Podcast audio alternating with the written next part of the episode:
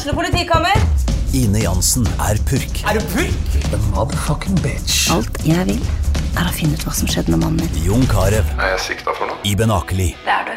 Ole So, Lars Berrum og Big Daddy Karsten. Hvem sin side er du på, egentlig? Anette Hoff, Tone Danielsen, Kommer du fra Afrika? Jørnis Josef, Nesten. Kløfta. Trond Espen Seim, Det er synd å si det, men det var feil mann som døde. Purk. Premiere tirsdag på TV2 Play. Vi setter i gang en um, BAs fotballpreik spesial i dag. Vi har uh, sportssjef eh, Tormod Bergersen eh, med oss. Og så har vi da eh, lokalfotballens mester, Selveste sjølveste storkongen av eh, innhenting av fakta, Per Kolstad. Velkommen til studio. Takk for det. takk for det. Du, eh, du altså I løpet av én sesong så, så henter du inn over 1000 kamper. Eh, fakta om 1000 kamper i løpet av én sesong. I fjor hadde du en rekord på 1100. Si meg, um, sover du i det hele tatt? Ja, det gjør jeg, men det blir jo veldig aktivt, spesielt i helgen og fredagskvelder og mandagskvelder. Da må du må ringe inn hver eneste kamp, faktisk. Så du har ikke et liv, altså? Jo, det har jeg, men det må jo være velorganisert, for å si det sånn. Han er ikke så glad i uteliv, sånn som Sånn som visse andre? sånn som visse andre. Ja. Nei, men det er jo, og, og, og leserne våre, og vi ikke minst, er jo da veldig takknemlige for at du, eh, du er jo et eh, bibliotek av, eh, av fotballkunde. Ja, jeg har jo vært i bransjen i håper å si, en hel mannsalder, så jeg er samtidig utstyrt med relativt god hukommelse, så det hjelper jo på. Er det sånn at du av og til skulle ønske du hadde glemt noen fotballfakta du har opplevd? Ja, jeg pleier jo av og til å si at det er et visst snev av autisme i det, og det trenger du nesten. Sant? Skal du huske det meste av det. Og du må huske det ofte live, sånn at skal det inn i avisen en sen kveldsstund, så har ikke du tid til å slå opp og heie på. Da må du huske det. Da må du nesten huske det. Ja. I helga så avgjøres en del eh, divisjoner i norsk fotball. Eh, la oss begynne med andredivisjon. Ja, der er jo avklaringen skjedd i toppen. Florø rykker opp, Nest rykker ikke opp. Det vi spådde før sesongen var at Nest ville være med i opprykkskampen, og det har jo de vært nesten helt inn til siste slutt. Det klaffet ikke helt i siste kampen, så de spiller i andredivisjon neste år. De fire andre lagene fra distriktet her rykker enten ned eller er involvert i nedrykkskampen helt til siste slutt. Hvilken lag er det? Altså Stord og Lysekloster rykker ned. Og Fana og Fyllingsdalen Begge de rykker ikke ned, men det er bare én eller to av de som overlever, og det vet vi ikke før kampen er spilt i morgen. Du, uh, Fyllingsdalen har jo gjort uh, litt av en uh, snuoperasjon de siste kampene.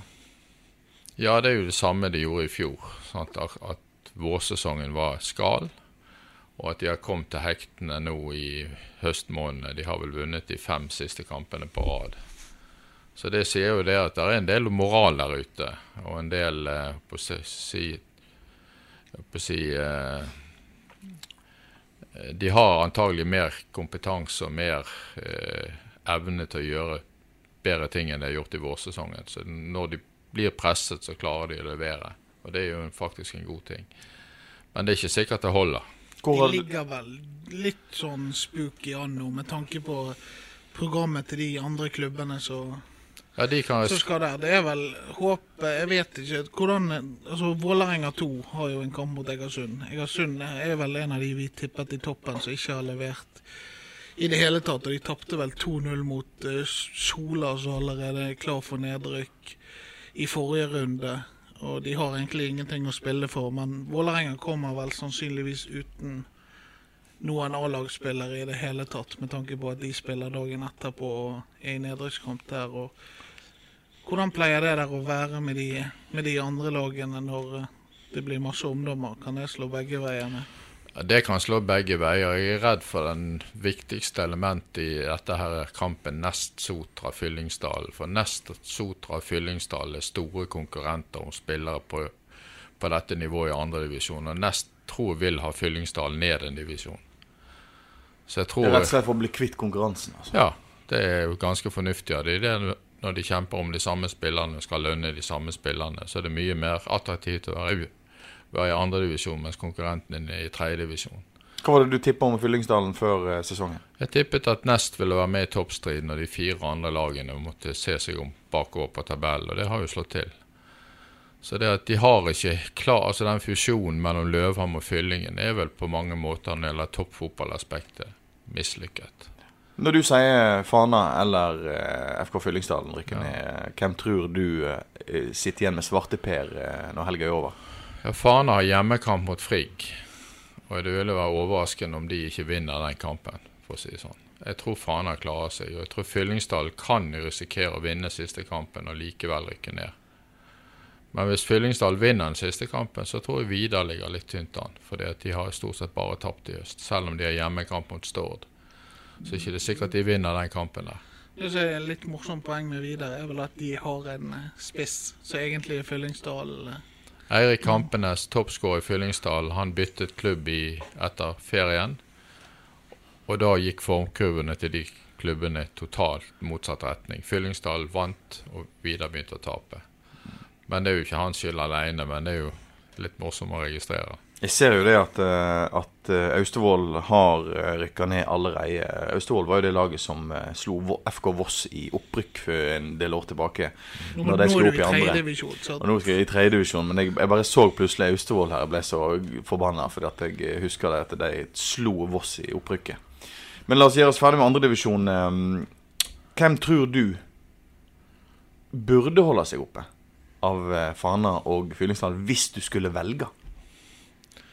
I min verden er andredivisjon, førstedivisjon og tippeligaen det er toppfotball. Det er kompetanseindustri.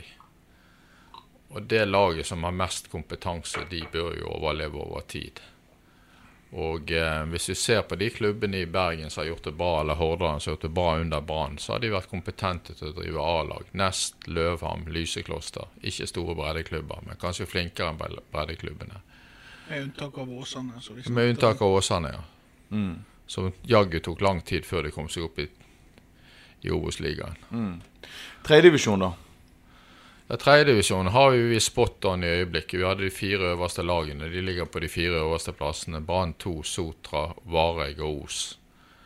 Og eh, det er Os og Bjarg som kjemper om én eller to plasser i, før siste serieomgang. Så der har jo tipsene våre gått helt inn. Og det er for resten av avdelingen, de har ikke nok ressurser eller nok styrke til å stå igjennom en hel sesong i tredjedivisjon. Så det har jo avskallet seg ganske fort, denne toppkampen. Ikke noe sånn med at eh, Er det noe forskjell hvis både Fyllingsdal og Fana klarer seg, eller hvis et av de rykker ned med tanke på opp- og nedrykk i tredjedivisjon, eller er det styrt av andre ting? Det er styrt av helt andre ting. Det som er den viktigste kabalen i kabalen her, er jo den femteplassen i tredjedivisjon. For det er ti avdelinger i Sør-Norge, og de åtte beste femmerne de overlever. Bjarg ligger i øyeblikket på plass ni av de femmerne. Så det betyr faktisk at i øyeblikket søker vårt femte lag ned. Ja, Da må du slå Tertnes i helga. De må slå Tertnes, og Os må ta ett poeng mot Sotra. Og så må vi folde hendene og be om at Kristiansund tar ett eller tre poeng fra Fjøra i avdeling 08. Så det er det som liksom Jeg har hørt at Vår Herre sitter der oppe med vår sånn eh, Kristiansund-drakt på seg. Han har iallfall gjort det mange, ja, mange, kamper i år. Så jeg tror det er en del lokale som vil se på firda.no eller bia.no i helgen for å se på den kampen. Fjøra Kristiansund. For den er helt avgjørende. Men når du sier at tipsene dine har slått til i tredje og ligger ganske spot on, ja. ja. Eh, hvor enkelt er det egentlig? Og hvor vanskelig er det egentlig å tippe utfall av sesonger så langt ned i systemet? Det er enklere jo høyere du er i systemet, for der er det litt mer stabilitet. Er du nede i fjerde og femte, så har vi truffet ganske godt der også, men der er det, der er det litt mer tynnere konsepter, litt mer flyktighet når det gjelder folk og litt sånn. Så det er at ressursene er ikke såpass stabile så de er lenger oppe i systemet. Men oppe i systemet så er det jo forholdsvis enkelt, med unntak av hvis de plutselig får inn noen gode spillere som Leicester gjorde i Premier League, sant? så kan du endre på hele kabalen. Sant? Nest sine nye spillere var nok bedre enn jeg hadde trodd. Jeg var ikke helt sikker på om de kom til å ligge helt oppe i toppen hele tiden, men det gjorde jo de. De er flinke på å rekruttere til A-laget sitt, tydeligvis. Har vært det.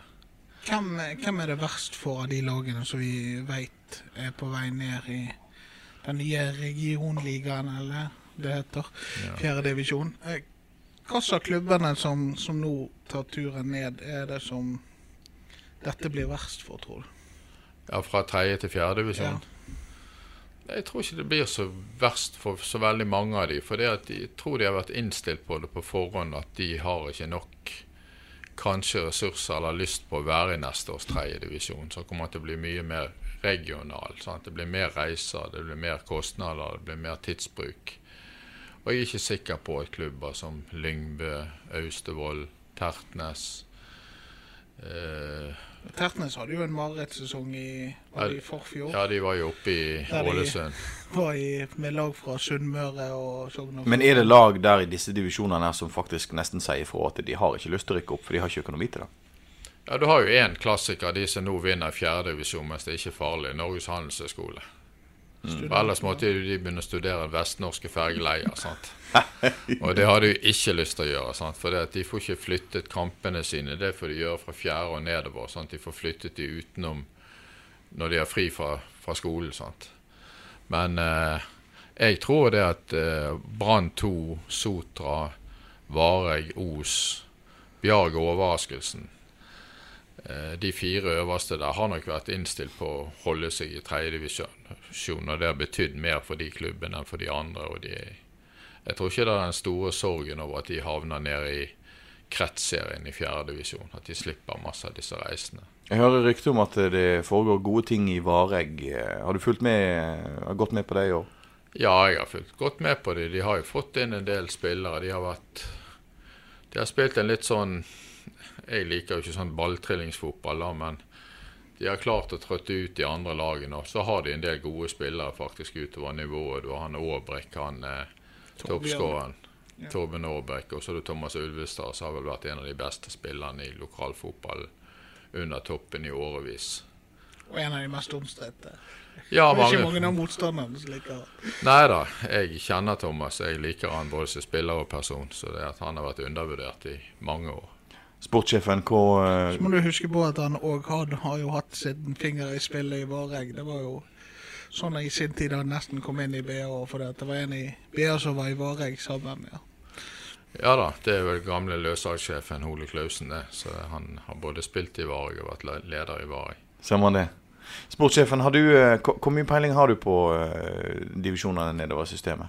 Du som bare må følge med på Brann. Nei, jeg må ikke bare følge med på Brann. Jeg syns lokalfotball er gøy. Jeg kan ikke vippe over etter hvert som eh, Per har eh, vært flink med altså utvide at vi ikke bare har fakta, men vi har kampreferater. Vi har sett eh, profiler bli bygget nesten Tony Tysnes var vel en profil i mange år. Han har vært tilbake i Dale nå, kjenner jeg.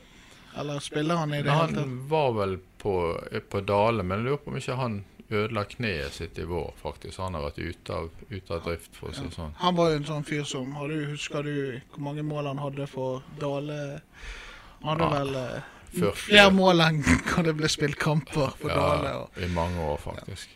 altså, det er jo noen som skårer mange mål. Jeg, jeg er veldig fascinert av disse spillerne som er jævlig gode. Altså, de har et åpenbart talent og skårer masse mål. Du har Alexander Dang på Sotra, du har Tony Tysnes. altså, de er overhodet ikke interessert i å bli toppfotballspillere. Det, det er noe Ja, er det det, det er litt eh, skuffende for enkelte, men jeg syns det er litt sjarmerende at det finnes sånne Sånne folk som skal ha det gøy med Altså Det er jo åpenbart det. De, altså, de skal ha det gøy med fotball og kanskje tjene seg noen kjøregodtgjørelsekroner i tredjedivisjon. Det er liksom that's it.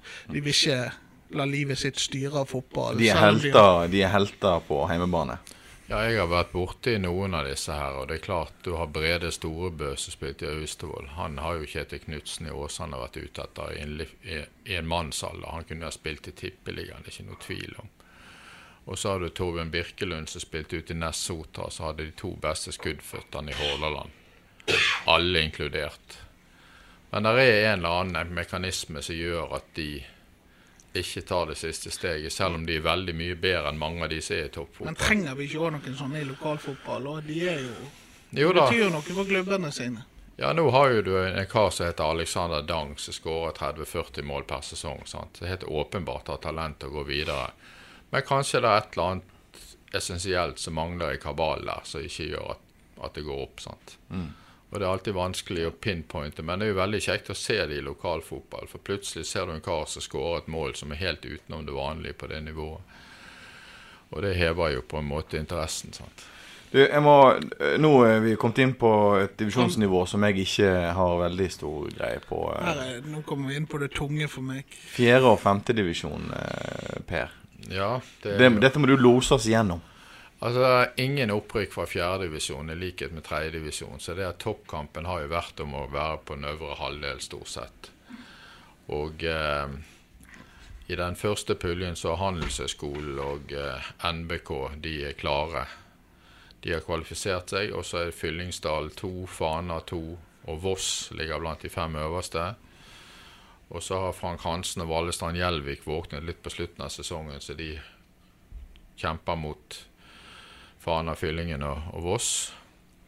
Mens i den andre puljen er det jo Bergen vest, eller Hordaland vest. Du har, du har eh, Sund, Loddefjord, eh, Vadmyra eh, Ja, du har seks lag der som kjemper om plassene. Telavåg er der.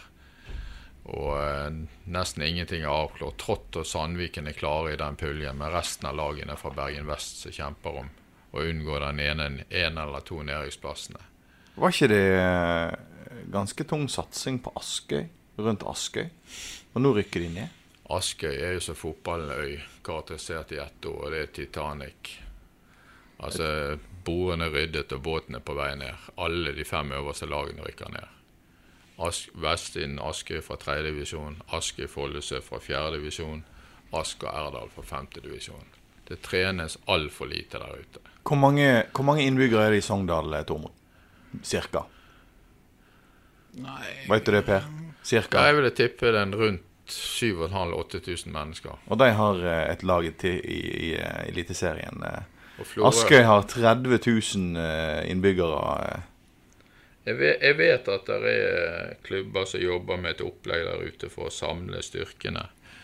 Og eh, de har spurt meg litt. Og jeg har sagt det eneste det er bare å begynne å trene, og det kan alle gjøre. Men burde ikke ha slått sammen et par klubber der? Nei, men du kan bare begynne å trene. Det miljøet som begynner å trene mer enn de andre, de vil tiltrekke seg de beste spillerne over tid. Det er ikke vanskeligere enn det.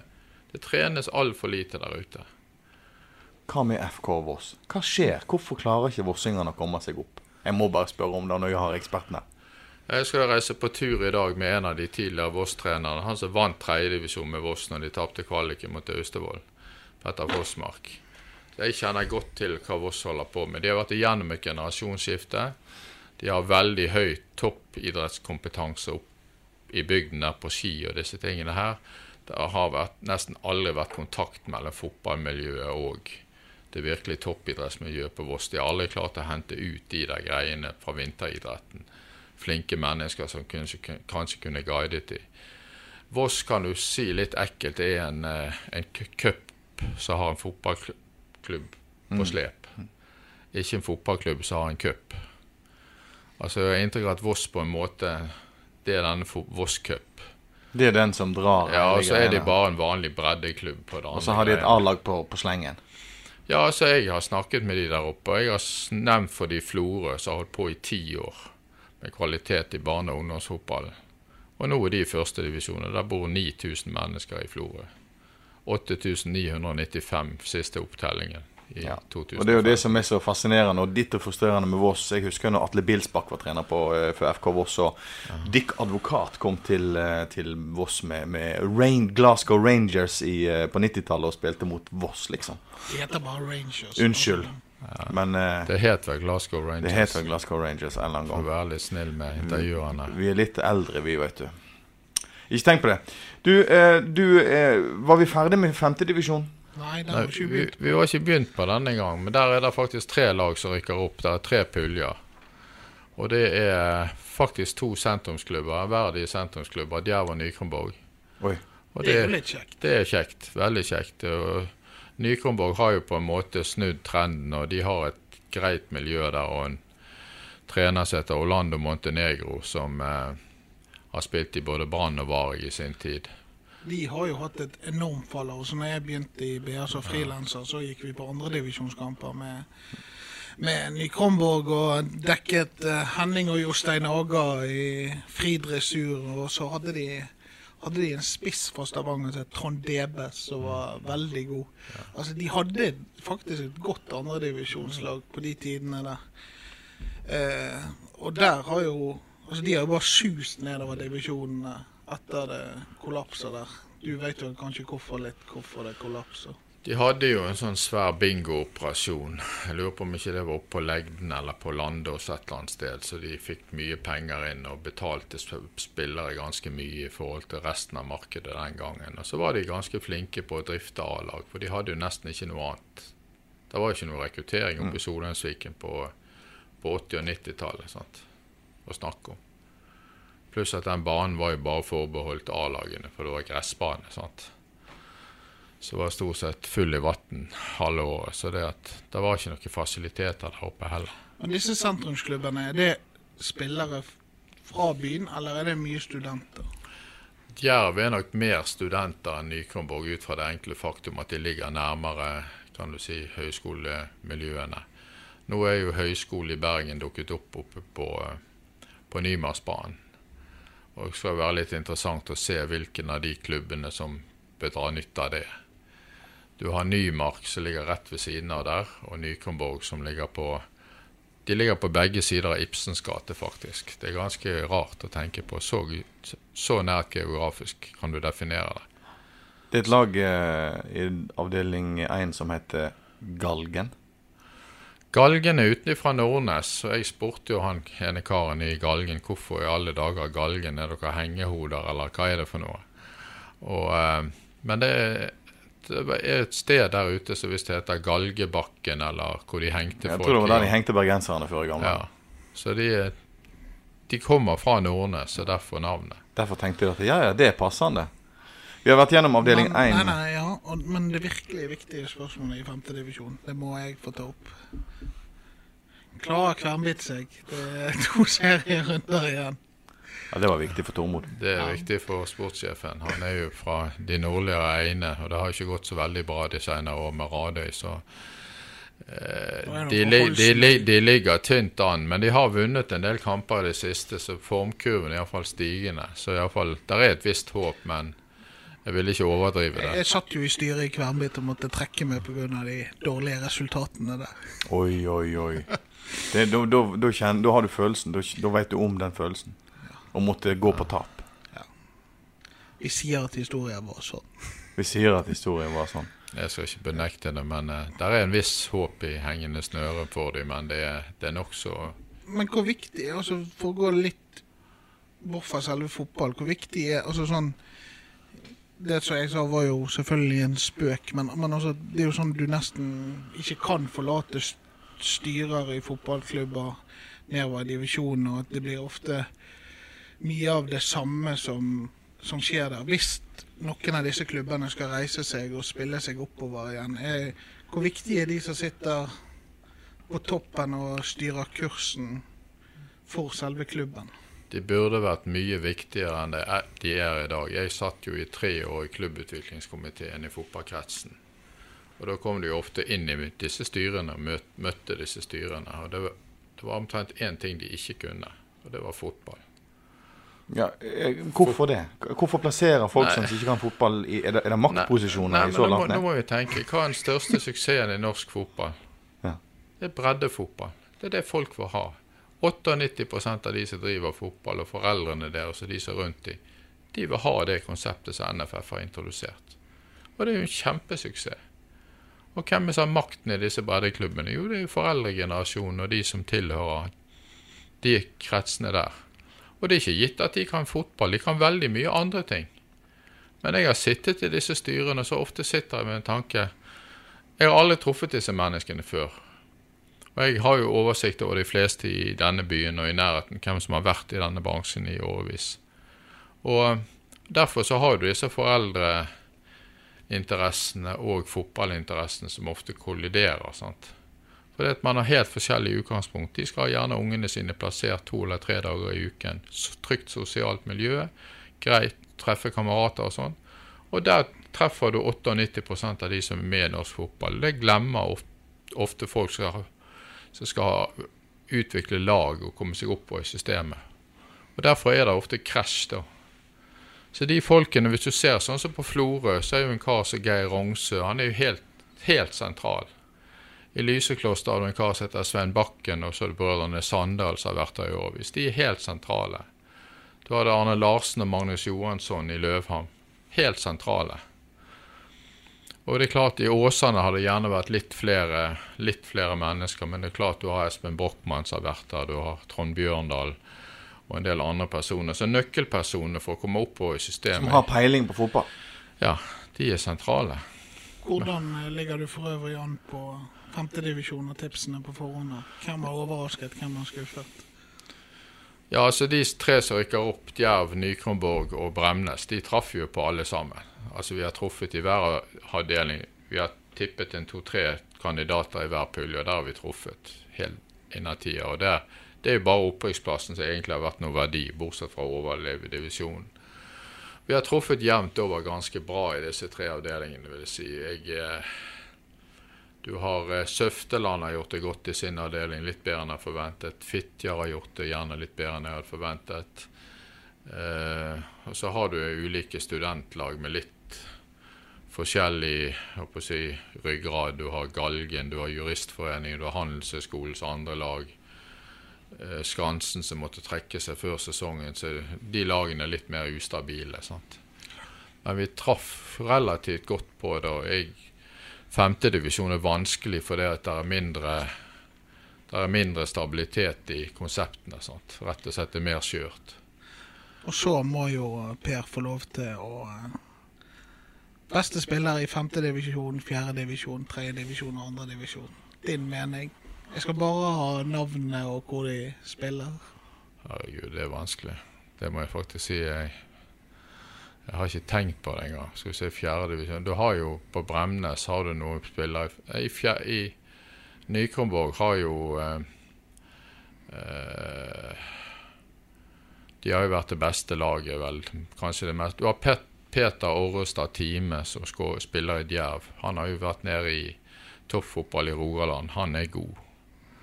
Han er i femtedivisjon. Fjerdedivisjon så har du NHH, du har Hvem er vinner andre puljen? Det er Trått og Sandviken. Jeg kan ikke plukke noen enkeltspillere der som egentlig det er veldig ulikt Per, er ja, som regel veldig bastard. Jo, men det er ikke det litt deilig å sette han fast? Ja, ja. Jo, men altså i fjerdedivisjon er det for så vidt ikke Jeg tror ikke det er en som er over 20 mål heller, så du har mens i femtedivisjon så har jo du folk som er over 30, han Guttorm Kallevåg i Bremnes f.eks.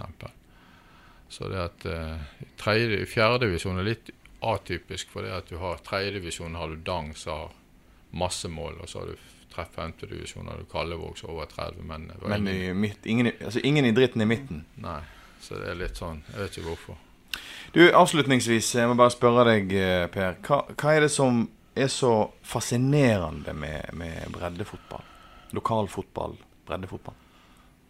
Ja, det er jo et forslitt uttrykk som faktisk er ganske mye sant i. Det er fotballfamilien. Og du treffer folk gjerne for første gang i ditt liv, sant? eller snakker med dem på telefonen for første gang. Du snakker med en kar i Søfteland. Søfteland har ikke vært i femtedivisjon i løpet av den tiden jeg har holdt på her. Det må jo være i nesten 15 år. Og så ringer du en kar som du får opplyst navn og nummer på, sender rundt eh, mailer til folk før sesongen.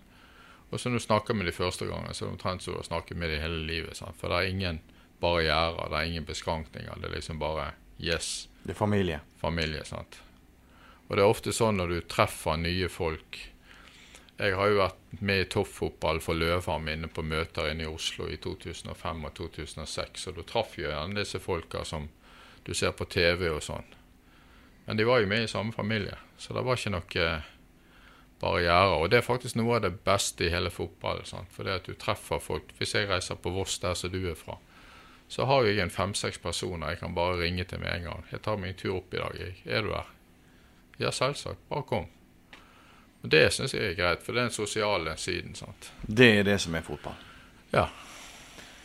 Tormod Bergersen og uh, Per Kolstad, uh, vi skal vel prøve å lage noe sånt uh, foran neste sesong? Ukens annonsør er HelloFresh. HelloFresh er verdens ledende matkasseleverandør og kan være redningen i en travel hverdag. Mange av oss har nok vandret i butikken både sultne og uten en plan for middagen, som ender med at vi går for de samme kjedelige rettene gang på gang.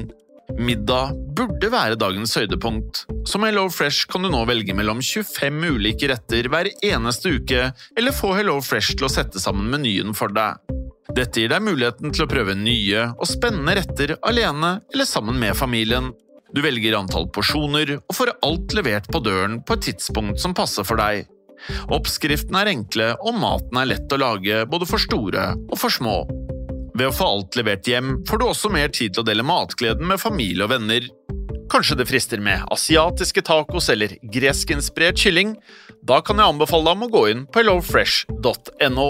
Her kan du bruke koden FOTBALL og få opptil 1779 kroner i rabatt på de første fem matkastene hvis du ikke har prøvd Hello Fresh tidligere. Du kan også bruke rabatten hvis du har vært kunde og stoppet abonnementet ditt for tolv måneder siden eller lengre. Gå inn på hellofresh.no og bruk koden FOTBALL. Har du et enkeltpersonforetak eller en liten bedrift? Da er du sikkert lei av å høre meg snakke om hvor enkelt det er med kvitteringer og bilag i fiken, så vi eh, gir oss her, vi. Fordi vi liker enkelt. Fiken superenkelt regnskap.